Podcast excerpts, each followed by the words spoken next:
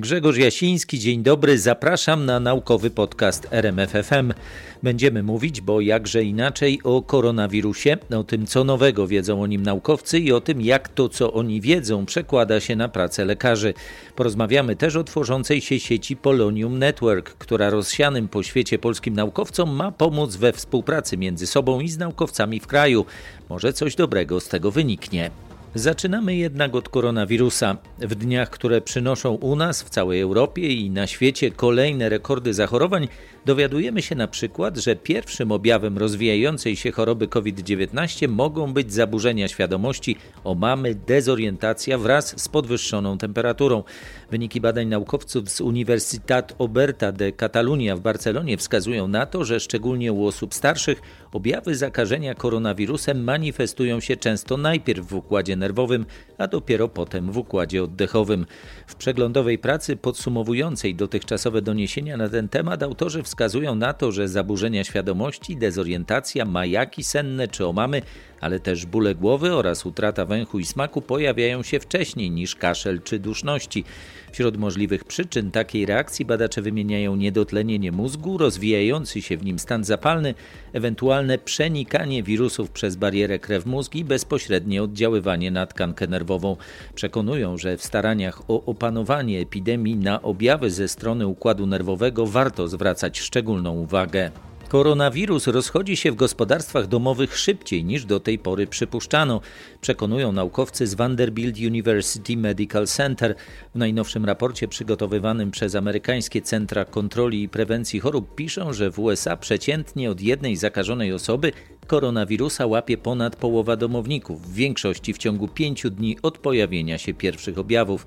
Wyniki obserwacji pokazują, że po tym jak w danym gospodarstwie domowym zachoruje pierwsza osoba, kolejne zakażenia postępują szybko, niezależnie od tego, czy ta pierwsza osoba jest dorosła, czy jest to dziecko. Wcześniejsze badania prowadzone w USA, Europie i Azji wskazywały na to, że we wspólnym gospodarstwie domowym zakaża się przeciętnie do 30% osób. Tamte badania szacowały liczbę domowych zakażeń na podstawie danych zbieranych w ramach programów śledzenia kontaktów. Nowe obserwacje są wynikiem systematycznego, codziennego monitoringu transmisji wirusa wśród osób zamieszkujących pod jednym dachem. Te obserwacje pokazały, że w domu, w którym pojawia się infekcja koronawirusem u jednej osoby, zakaża się przeciętnie 51% domowników. Do 75% tych zakażeń dochodzi przy tym w ciągu 5 dni od pojawienia się pierwszych objawów. Okazało się też, że w w chwili otrzymania pozytywnego wyniku testu na koronawirusa objawy wykazywało mniej niż połowa domowników, a wielu nie miało żadnych objawów przez kolejnych 7 dni. Wyniki potwierdzają znaczenie kwarantanny, bo wiele osób, które żyją pod jednym dachem z osobą zakażoną, może być zakażonych i przechodzić to bezobjawowo, nie zdając sobie z tego sprawy. Dlatego izolacja w domu i monitorowanie ewentualnych objawów ma kluczowe znaczenie dla ograniczenia pandemii. W Nowym Jorku wirus SARS-CoV-2 pojawił się wcześniej niż do tej pory myślano. W sumie do lipca zaraziło się nim około 1 700 tysięcy mieszkańców, czyli ponad 20% populacji. Śmiertelność wyniosła około procenta, czyli była mniej więcej 10 razy wyższa niż w przypadku grypy. Takie wyniki badań publikuje na łamach czasopisma Nature grupa naukowców ze szpitala Mount Sinai. Pierwszy oficjalny przypadek zakażenia wirusem SARS-CoV-2 potwierdzono w Nowym Jorku 1 marca. Szybki wzrost liczby przypadków zaobserwowano już do 8 marca, a znaczący wzrost liczby przypadków śmiertelnych około 15 marca. 22 marca cały stan Nowy Jork wprowadził nakaz pozostania w domach, po którym liczba przypadków zaczęła się wypłaszczać, by zmaleć w kwietniu i maju. W tym czasie możliwości testowania na obecność koronawirusa były bardzo ograniczone. Analiza wyników badań około 10 tysięcy próbek osocza pozwoliła teraz dokładniej prześledzić, jaki naprawdę był wtedy postęp epidemii. W sumie analiza objęła dane dotyczące 10 691 próbek pobranych w Mount Sinai. Była w nich grupa 4101 próbek od pacjentów przyjętych na oddział ratunkowy, która miała pomóc monitorować postępy epidemii wśród osób wykazujących umiarkowane do poważnych objawów.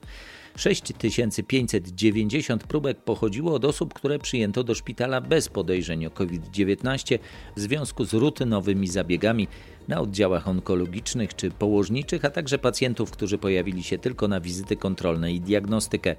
Ponieważ te wizyty i hospitalizacje nie miały związku z koronawirusem, naukowcy liczyli, że pozwolą w miarę wiernie odtworzyć sytuację w ogólnej populacji. Analiza obecności przeciwciał koronawirusa pokazała, że tak zwana seroprewalencja w obu grupach rosła w innym tempie, zdecydowanie szybciej w grupie wymagającej pomocy medycznej. Potem jednak wyrównała się, by po opanowaniu pierwszej fali pod koniec maja ustalić na poziomie nieco ponad 20%. Co istotne, obecność przeciwciał wykryto już w próbkach z połowy lutego, co pokazuje, że koronawirus rozprzestrzeniał się w Nowym Jorku wcześniej niż go oficjalnie wykryto. Podczas pierwszej fali epidemii poziom zakażeń w Nowym Jorku był dość wysoki, ale mimo wszystko pozostał daleki od sytuacji, w której można by mówić o odporności stadnej. A jak sytuacja wygląda u nas? System opieki zdrowotnej w Polsce jest już przeciążony, przyznaje dr Konstanty Szułdrzyński, kierownik Centrum Terapii Pozaustrojowych Szpitala Uniwersyteckiego w Krakowie. Jego zdaniem być może dopiero w styczniu albo lutym będziemy mieli szansę na opanowanie sytuacji. Do tego czasu liczba osób zakażonych koronawirusem będzie szybko rosła. Zapytałem, czy w miarę postępów pandemii w jakiś sposób zmienia się przebieg tych najcięższych, wymagających intensywnej opieki zachorowań. Widzimy pacjentów z takimi e, dwoma możliwymi scenariuszami. Znaczy, jeden to są pacjenci, którzy mają wirusowe zapalenie płuc, które jak się wyleczy, no to w zależności od wieku trwa tam powiedzmy od 5 do 10 dni, do tego pacjenta da się e, odłączyć od respiratora. I drugi scenariusz nieco gorszy, to znaczy, że ta choroba nie dotyczy tylko i wyłącznie płuc. Zresztą ona rzadko dotyczy tylko i wyłącznie płuc. Natomiast jeśli objawy ze strony innych narządów będą e, dominujące, to organizm przestaje sobie dawać radę z walką z wirusem, ponieważ niewydolnych jest kilka narządów naraz i to jest po prostu za dużo dla tego organizmu. To jest drugi możliwy scenariusz. Jeszcze jest jeden scenariusz, niestety też nieprzyjemny, mianowicie taki, że w przebiegu tego zakażenia wirusowego, e, co prawda organizm zwalczy E, agresora, czyli poradzi sobie z wirusem. Natomiast niestety mm, w płucach uruchomione zostają procesy e, nieprawidłowe, które dążą w kierunku nie naprawienia takiego płuca, ale w kierunku zwłóknienia. Potem ten proces zwłóknienia płuc, czyli zamiany normalnego, zdrowego płuca na tkankę włóknistą, czyli taką jakby taką dużą bardzo bliznę w płucach, e, przebiega już niezależnie od wirusa. Czyli wirus już dawno nie ma ten przebieg zwłóknienia dalej przebiega. I to jest też bardzo nie, niekorzystny scenariusz, na który my niestety nie mamy wpływu, bo w ogóle na zwłóknienia płuc wpływ mamy bardzo e, niewielki. Także teraz ta rozmaitość obrazów klinicznych, z którymi mamy do czynienia, jest znacznie większa niż to było na początku. Pojawiają się opinie, panie doktorze, że wirus teraz łatwiej nieco zakaża i w związku z tym tych przypadków, y, które się pojawiają, jest dużo więcej, ale jakby jest dla pacjentów łagodniejszy, w tym sensie, że może nie tak wysoki procent wymaga hospitalizacji, nie mówiąc już o, o tych najbardziej y, drastycznych środkach. Czy Pana doświadczenie codzienne to potwierdza?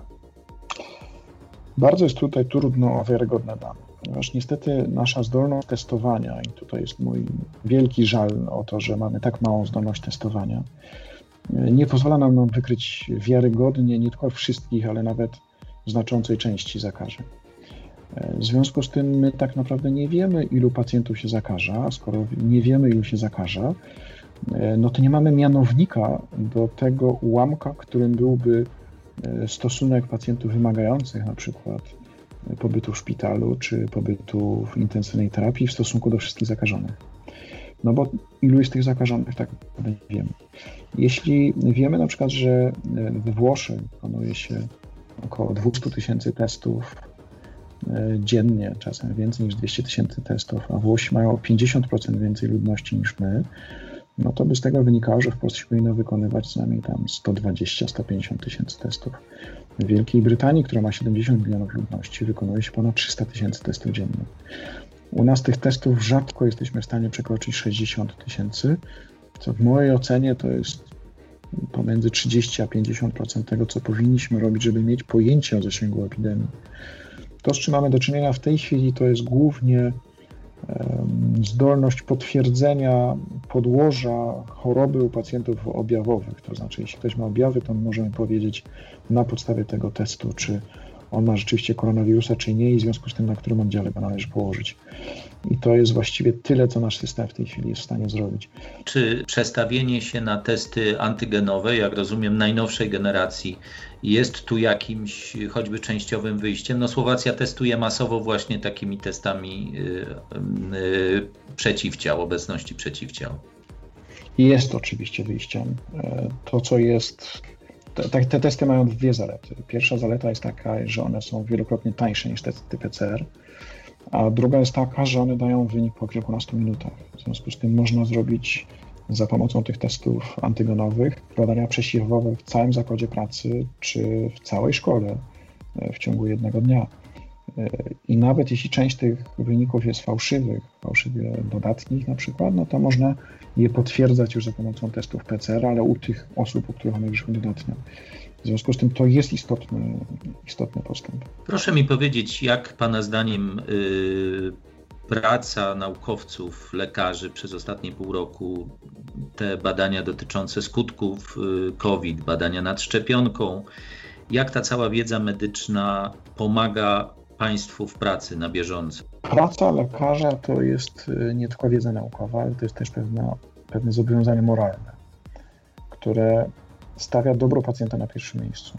A zatem możemy stosować takie leczenie, co do którego dowody wskazują na jego skuteczność, gdzie bilans zysków i strat, bo każdy lek ma działania niepożądane, absolutnie każdy, e, a część leków ma raczej większe działania niepożądane niż witamina C.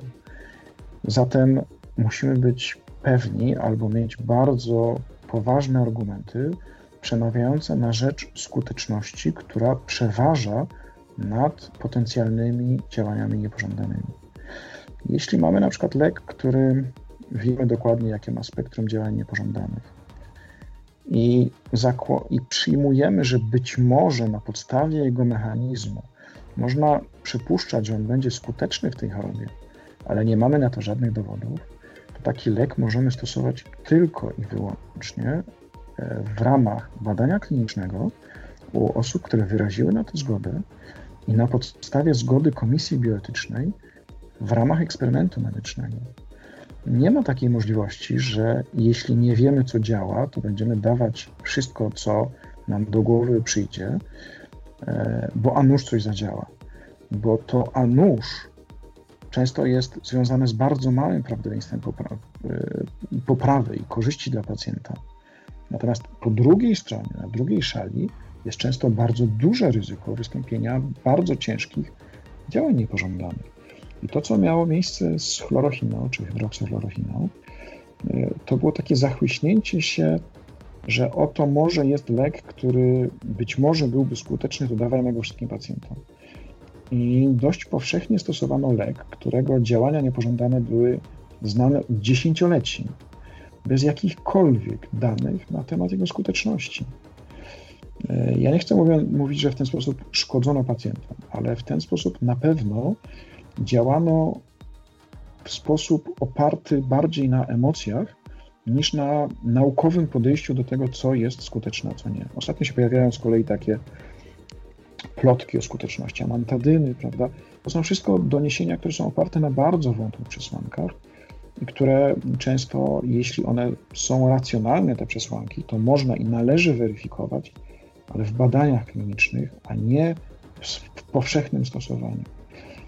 Nasza chęć niesienia pomocy i nasza empatia, którą jednak znakomita większość lekarzy ma, nie powinna nas skłaniać do porzucania zasad naukowości w medycynie, gdzie ta naukowość nie jest wartością samą w sobie, ale jest zdolnością do rozsądzenia pomiędzy dobrem i złem, czyli korzyścią dla pacjenta i ryzykiem.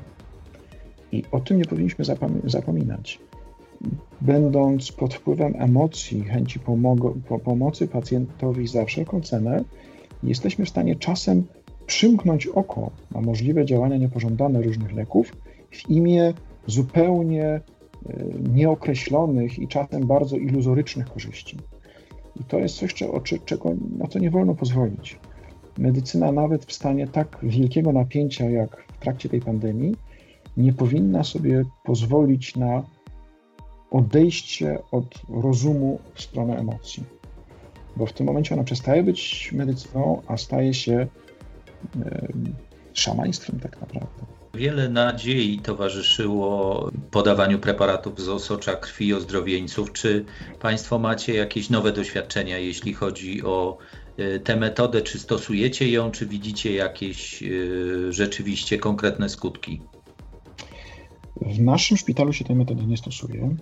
Doniesienia z dużych badań nie wskazują na to, żeby stosowanie osocza ozdrowieńców przynosiło jakąś korzyść. Natomiast tu jest pewien problem metodologiczny, jeśli chodzi o, o socze ozdrowieńców, bo o ile w stosunku do zwykłych leków my możemy powiedzieć, że powiedzmy aspiryna jest w dawce 500 mg, to znaczy, że kwasu acetylosalicylowego w tej białej tableteczce jest pół grama. I jak damy pacjentom te pół grama, to im spadnie gorączka, albo na przykład nie będą im bypassy się zatykać. Natomiast jeśli chodzi o socze ozdrowieńców, to problem jest taki, że trzeba by w tym osoczu bardzo wiarygodnie oznaczać poziom przeciwciał, jeszcze co więcej wiedzieć, które z tych przeciwciał skierowanych przeciwko koronawirusowi są odpowiedzialne za rzeczywistą odporność organizmu, bo organizm produkuje różne przeciwciała, a niekoniecznie wszystkie typy tych przeciwciał biorą e, udział i są ważne w odpowiedzi immunologicznej i w walce z zakażeniem. W związku z tym z osoczem mamy taki problem, że my pobieramy pobieramy osocze od różnych ludzi, natomiast my nie do końca wiemy, co w tym osoczu za każdym razem jest. I to osocze od różnych osób, od różnych ozdrowieńców może mieć różne właściwości. Tutaj e, mam nadzieję, że nikt się nie obrazi, jeśli sobie zażartuje, że nie każda woda jest wodą z Lourdes, prawda? Jeśli będziemy ją brali z Wisły, no to obawiam się, że ona może zaszkodzić. Nie każde osocze pomoże i myślę, że to jest główny problem metodyczny. Niestety dane z dużych badań nie są pod tym względem bardzo optymistyczne, co nie oznacza, że nie uzyskamy kiedyś zdolności do zagęszczania takich przeciwciał i podawania koncentratów przeciwciał, które być może byłyby e, skuteczne. Takie koncentraty przeciwciał na przykład stosowano u prezydenta Trumpa. Co by było, gdyby on te przeciwciało nie dostał? Nie wiem, ponieważ żeby ocenić wiarygodnie, nie można tego podawać jednemu pacjentowi, tylko trzeba podawać tysiącom albo dziesiątkom tysięcy, gdzie połowa losowo dobrana dostała, druga połowa nie dostała i wtedy możemy porównać, czy ta interwencja badana rzeczywiście działa, czy nie. I na tym polega naukowość w medycynie. To, co jest rozczarowujące dla bardzo wielu osób i to, co jest źródłem zwątpienia i podważa zaufanie do medycyny jest to, że te wyniki przychodzą tak późno. Ludzie chcieliby mieć odpowiedź tu i teraz na pytania, co działa e, w walce z koronawirusem, a co nie. Niestety, żeby medycyna spełniała te kryteria naukowości, potrzebny jest czas, potrzebny jest odpowiedni okres obserwacji pacjentów, którzy otrzymali leczenie i tych, którzy tego leczenia nie otrzymali albo otrzymali inne, żebyśmy mogli wiarygodnie i z bardzo dużym prawdopodobieństwem, że wiemy o czym mówimy, żebyśmy mogli ocenić skuteczność działania tych leków e, i ewentualne ich działania uboczne. I to samo też dotyczy szczepionek. Jeśli oczekujemy z tak wielkim utęsknieniem tych szczepionek, no to musimy pamiętać o tym, że e, pośpiech tutaj jest bardzo niewskazany, ponieważ chcielibyśmy wiedzieć, że stosowanie szczepionki przyniesie więcej korzyści niż strat korzyści, to znaczy, że będzie dawała ta szczepionka odporność i ta odporność czy będzie w miarę trwała. Bo cóż nam po szczepionce, która da odporność na 3, 3 tygodnie, prawda? Potrzebujemy takiej szczepionki, która nam da odporność na co najmniej rok. Wtedy to ma sens. A z drugiej strony, że ona będzie bezpieczna, to znaczy, że y, poważne powikłania nie będą się zdarzały y, często, a najlepiej, żeby się nie zdarzały w ogóle. W związku z tym na to jest potrzebny czas, jest potrzebny pewien okres obserwacji, ponieważ tego rodzaju substancje biologiczne, jakimi są szczepionki, przynoszą konsekwencje często po kilku miesiącach i tego okresu się nie da skrócić. Ludzie mówią, że skoro, skoro nauka nie może dać odpowiedzi na te pytania tu i teraz, no to znaczy nauka jest na nic. No właśnie nauka jest po to, żeby ten czas obserwacji pozwolił nam na wyciągnięcie wiarygodnych wniosków, żebyśmy nie stwierdzili po kolejnym roku, że jednak myliliśmy się, jednak lepiej było nie dawać tej szczepionki, prawda? Tego chcemy wszyscy uniknąć, w związku z tym no, musimy się niestety uzbroić w cierpliwość. Mówi mi dr Konstanty Szułdrzyński, kierownik Centrum Terapii Pozaustrojowych Szpitala Uniwersyteckiego w Krakowie. Cała rozmowa jest na rmf24.pl. A jeśli już o czekaniu na szczepionkę była mowa, to zostańmy przy temacie szczepień. Jeśli chcemy dojść do poziomu wyszczepienia na COVID-19 potrzebnego do osiągnięcia odpowiedniej odporności stadnej, powinniśmy płacić za poddanie się szczepieniu przekonuje na łamach czasopisma Journal of Medical Ethics profesor Julian Sawulescu, Ethics University of Oxford. Jego zdaniem wymagane zaszczepienie około 80% populacji może być trudne bez odpowiednich dodatkowych bodźców o niekoniecznie nawet finansowym charakterze. Być może wystarczy zwolnić zaszczepionych z obowiązku noszenia maseczki. Sprawa szczepień przeciwko COVID-19 budzi skrajne emocje. Większość ekspertów uważa, że dopiero jej pojawienie się pozwoli nam opanować epidemię i wrócić do przynajmniej częściowej normalności. Nie brakuje też przeciwników szczepień, którzy akurat w przypadku koronawirusa wydają się bardziej liczni niż zwykle. To sprawia, że w niektórych krajach, m.in. w Wielkiej Brytanii, pojawiły się głosy, że szczepienie przeciw COVID-19 powinno być obowiązkowe. Profesor Sawulesku przekonuje, że generalnie szczepienia powinny być dobrowolne, ale praktyka wskazuje na to, że w szczególnych warunkach bywają obowiązkowe. Tak jest w przypadku chorób, które stanowią poważne zagrożenie dla zdrowia publicznego, gdy istnieje efektywna i bezpieczna szczepionka, gdy zalety jej stosowania przewyższają argumenty za stosowaniem jakiegokolwiek innego rozwiązania. W przypadku COVID-19 może się okazać, że jeśli system dobrowolnych szczepień się nie sprawdzi, trzeba będzie użyć dodatkowych argumentów. Tym bardziej, że mówimy o zupełnie nowej szczepionce. O ile w idealnej sytuacji oczekujemy preparatu bezpiecznego w niemal 100%, tym razem ze względu na pośpiech towarzyszący jego produkcji musimy się liczyć z nieco większym ryzykiem. Każdy program obowiązkowych szczepień wymaga precyzyjnej oceny ryzyka i korzyści. Poziom bezpieczeństwa powinien być jak najwyższy, ale tu trudno oczekiwać, by niepewność spadła do zera. Nie możemy ocenić, czy wprowadzenie przymusowych szczepień na COVID-19 jest do końca etycznie uzasadnione, dopóki nie możemy poznać natury szczepionki, powagi problemu i prawdopodobnego rachunku zysków i strat w odniesieniu do innych metod działania, podkreśla profesor Sawulesku.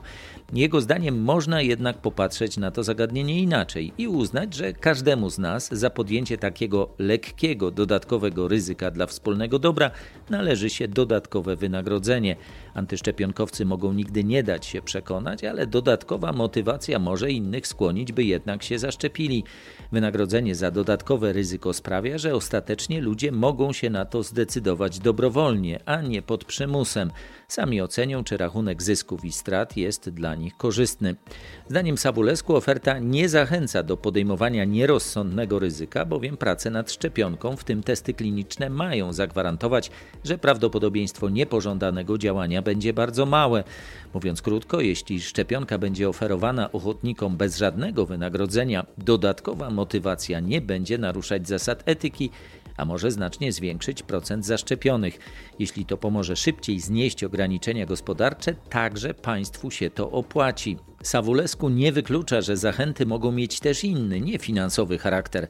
To mogą być ułatwienia w podróżowaniu, zezwolenie na udział w imprezach, gdzie nie zachowuje się dystansu społecznego, czy wreszcie prawo do nienoszenia maseczki.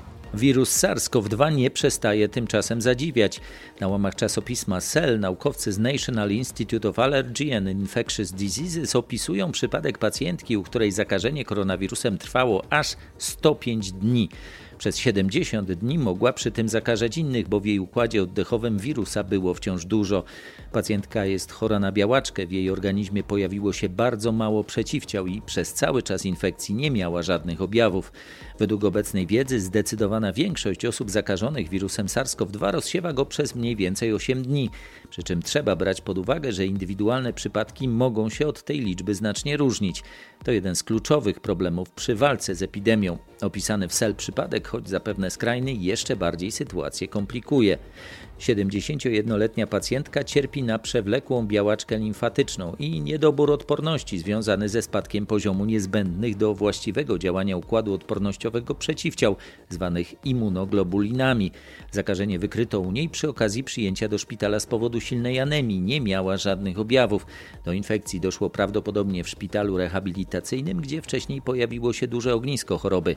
Tygodniami testy PCR przynosiły u niej potem wyniki pozytywne. Badacze uważają, że pacjentka pozostawała zakażona bezobjawowo przez tak długi czas, dlatego że jej osłabiony układ odpornościowy nie był w stanie zmobilizować się do silnej odpowiedzi immunologicznej. Są przekonani, że to najdłuższy zaobserwowany do tej pory przypadek aktywnej infekcji wirusem SARS-CoV-2, która nie dawała objawów. Wcześniej takie przypadki obserwowano dla wirusa grypy i koronawirusa MERS.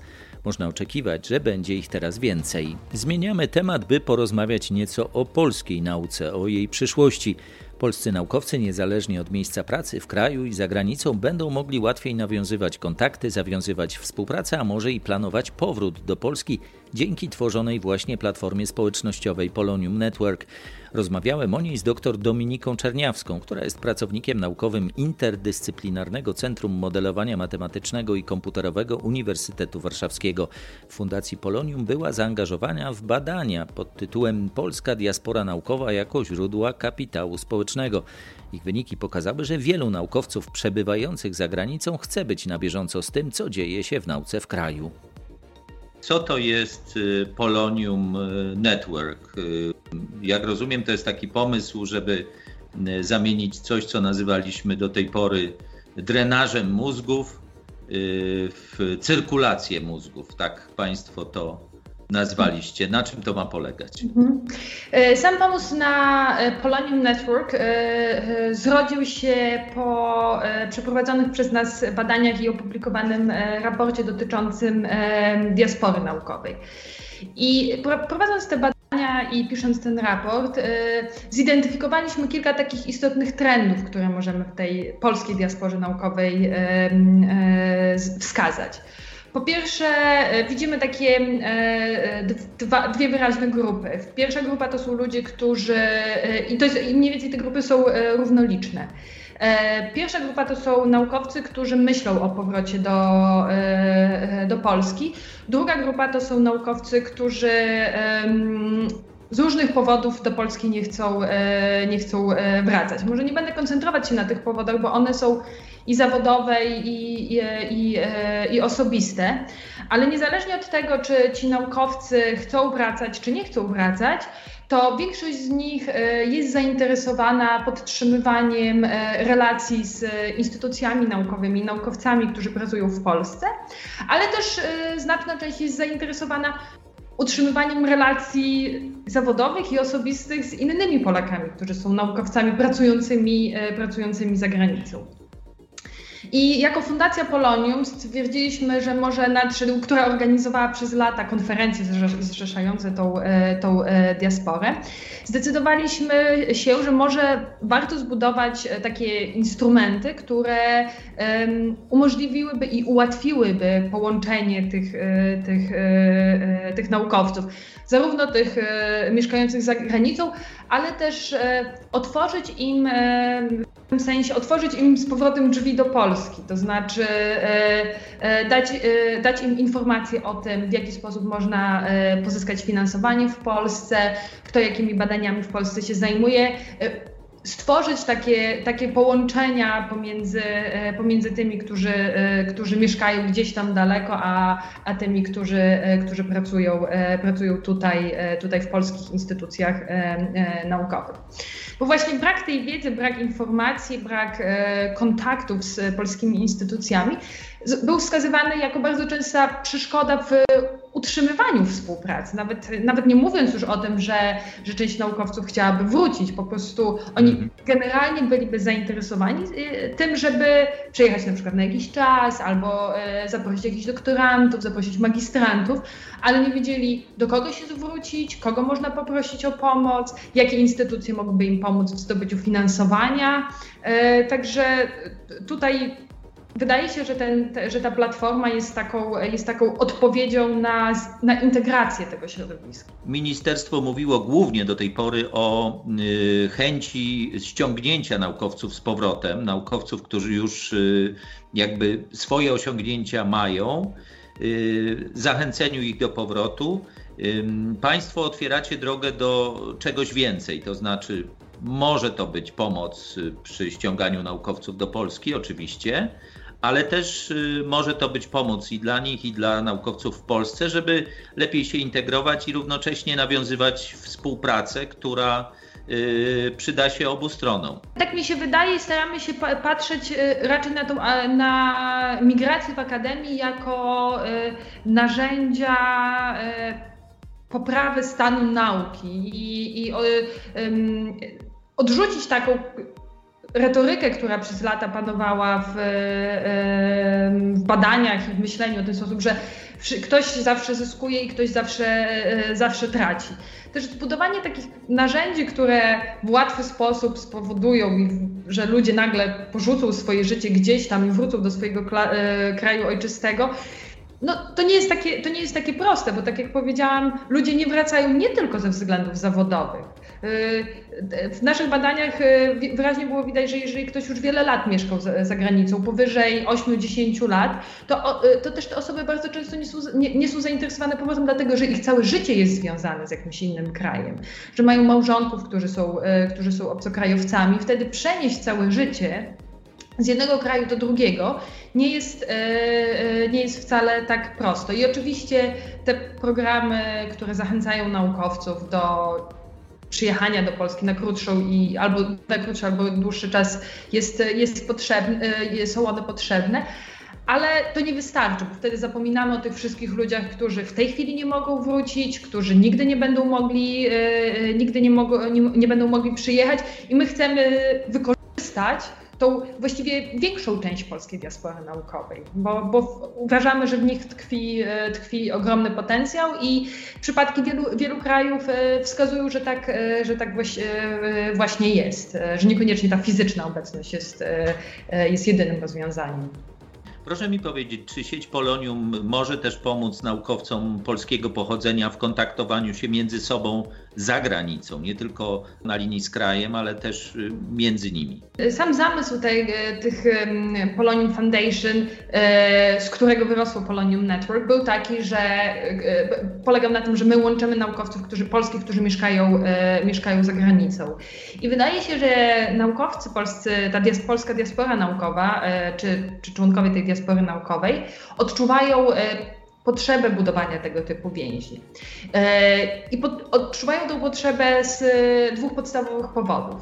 E, jak są młodsi e, i dopiero, czy dopiero przeprowadzili się za granicę, to w dużym stopniu jest to takie wsparcie emocjonalne, budowa relacji towarzyskich. Jak są starsi, to w dużo, dużo większym stopniu poszukują relacji zawodowych. Jednak musimy pamiętać, że te sieci prywatne i sieci zawodowe, te kontakty prywatne i kontakty zawodowe, to są kontakty, które bardzo się przenikają. E, my nie możemy powiedzieć, że e, to są moje kontakty prywatne i ja nigdy nie będę z tymi osobami robił, e, robił badań, ponieważ nigdy nie wiadomo, co nasza kariera zawodowa przyniesie i jakich kompetencji w naszym życiu zawodowym będziemy, będziemy potrzebować. Także my wierzymy, że też rozwój tych kontaktów towarzyskich jest istotny, jeżeli chodzi o przyszły rozwój, e, przyszły rozwój potencjału e, sieci, e, sieci zawodowych. To jest poparte w wielu badaniach, że, że, że tak właśnie jest, że te sieci osobiste jesteśmy w stanie utylizować również w naszym w kontekście zawodowym. Proszę mi jeszcze na koniec powiedzieć, jaki odzew Państwo zyskaliście już do tej pory ze strony polskich naukowców po obu stronach granicy, na jaki liczycie? E, w tej chwili mamy e, ponad 150 naukowców, a dopiero zaczęliśmy, zaczęliśmy tą. Otworzyliśmy dopiero portal i zaczęliśmy zapisy do, do tego e, portalu. No, liczymy, że liczymy na to, że to będą te liczby to będą raczej tysiące niż, tysiące niż setki, dlatego że przez samą konferencję Science Polish Perspectives co roku przebija się kilkaset osób. W naszym badaniu dwa lata temu wzięło udział ponad tysiąc osób, także ta, ta, ta grupa docelowa jest, jest dosyć duża. Oczywiście ze względu na obecnie panującą sytuację musimy się zmierzyć z nowymi, e, e, z nowymi problemami i rozwinąć alternatywne metody promocji samego, e, samego portalu.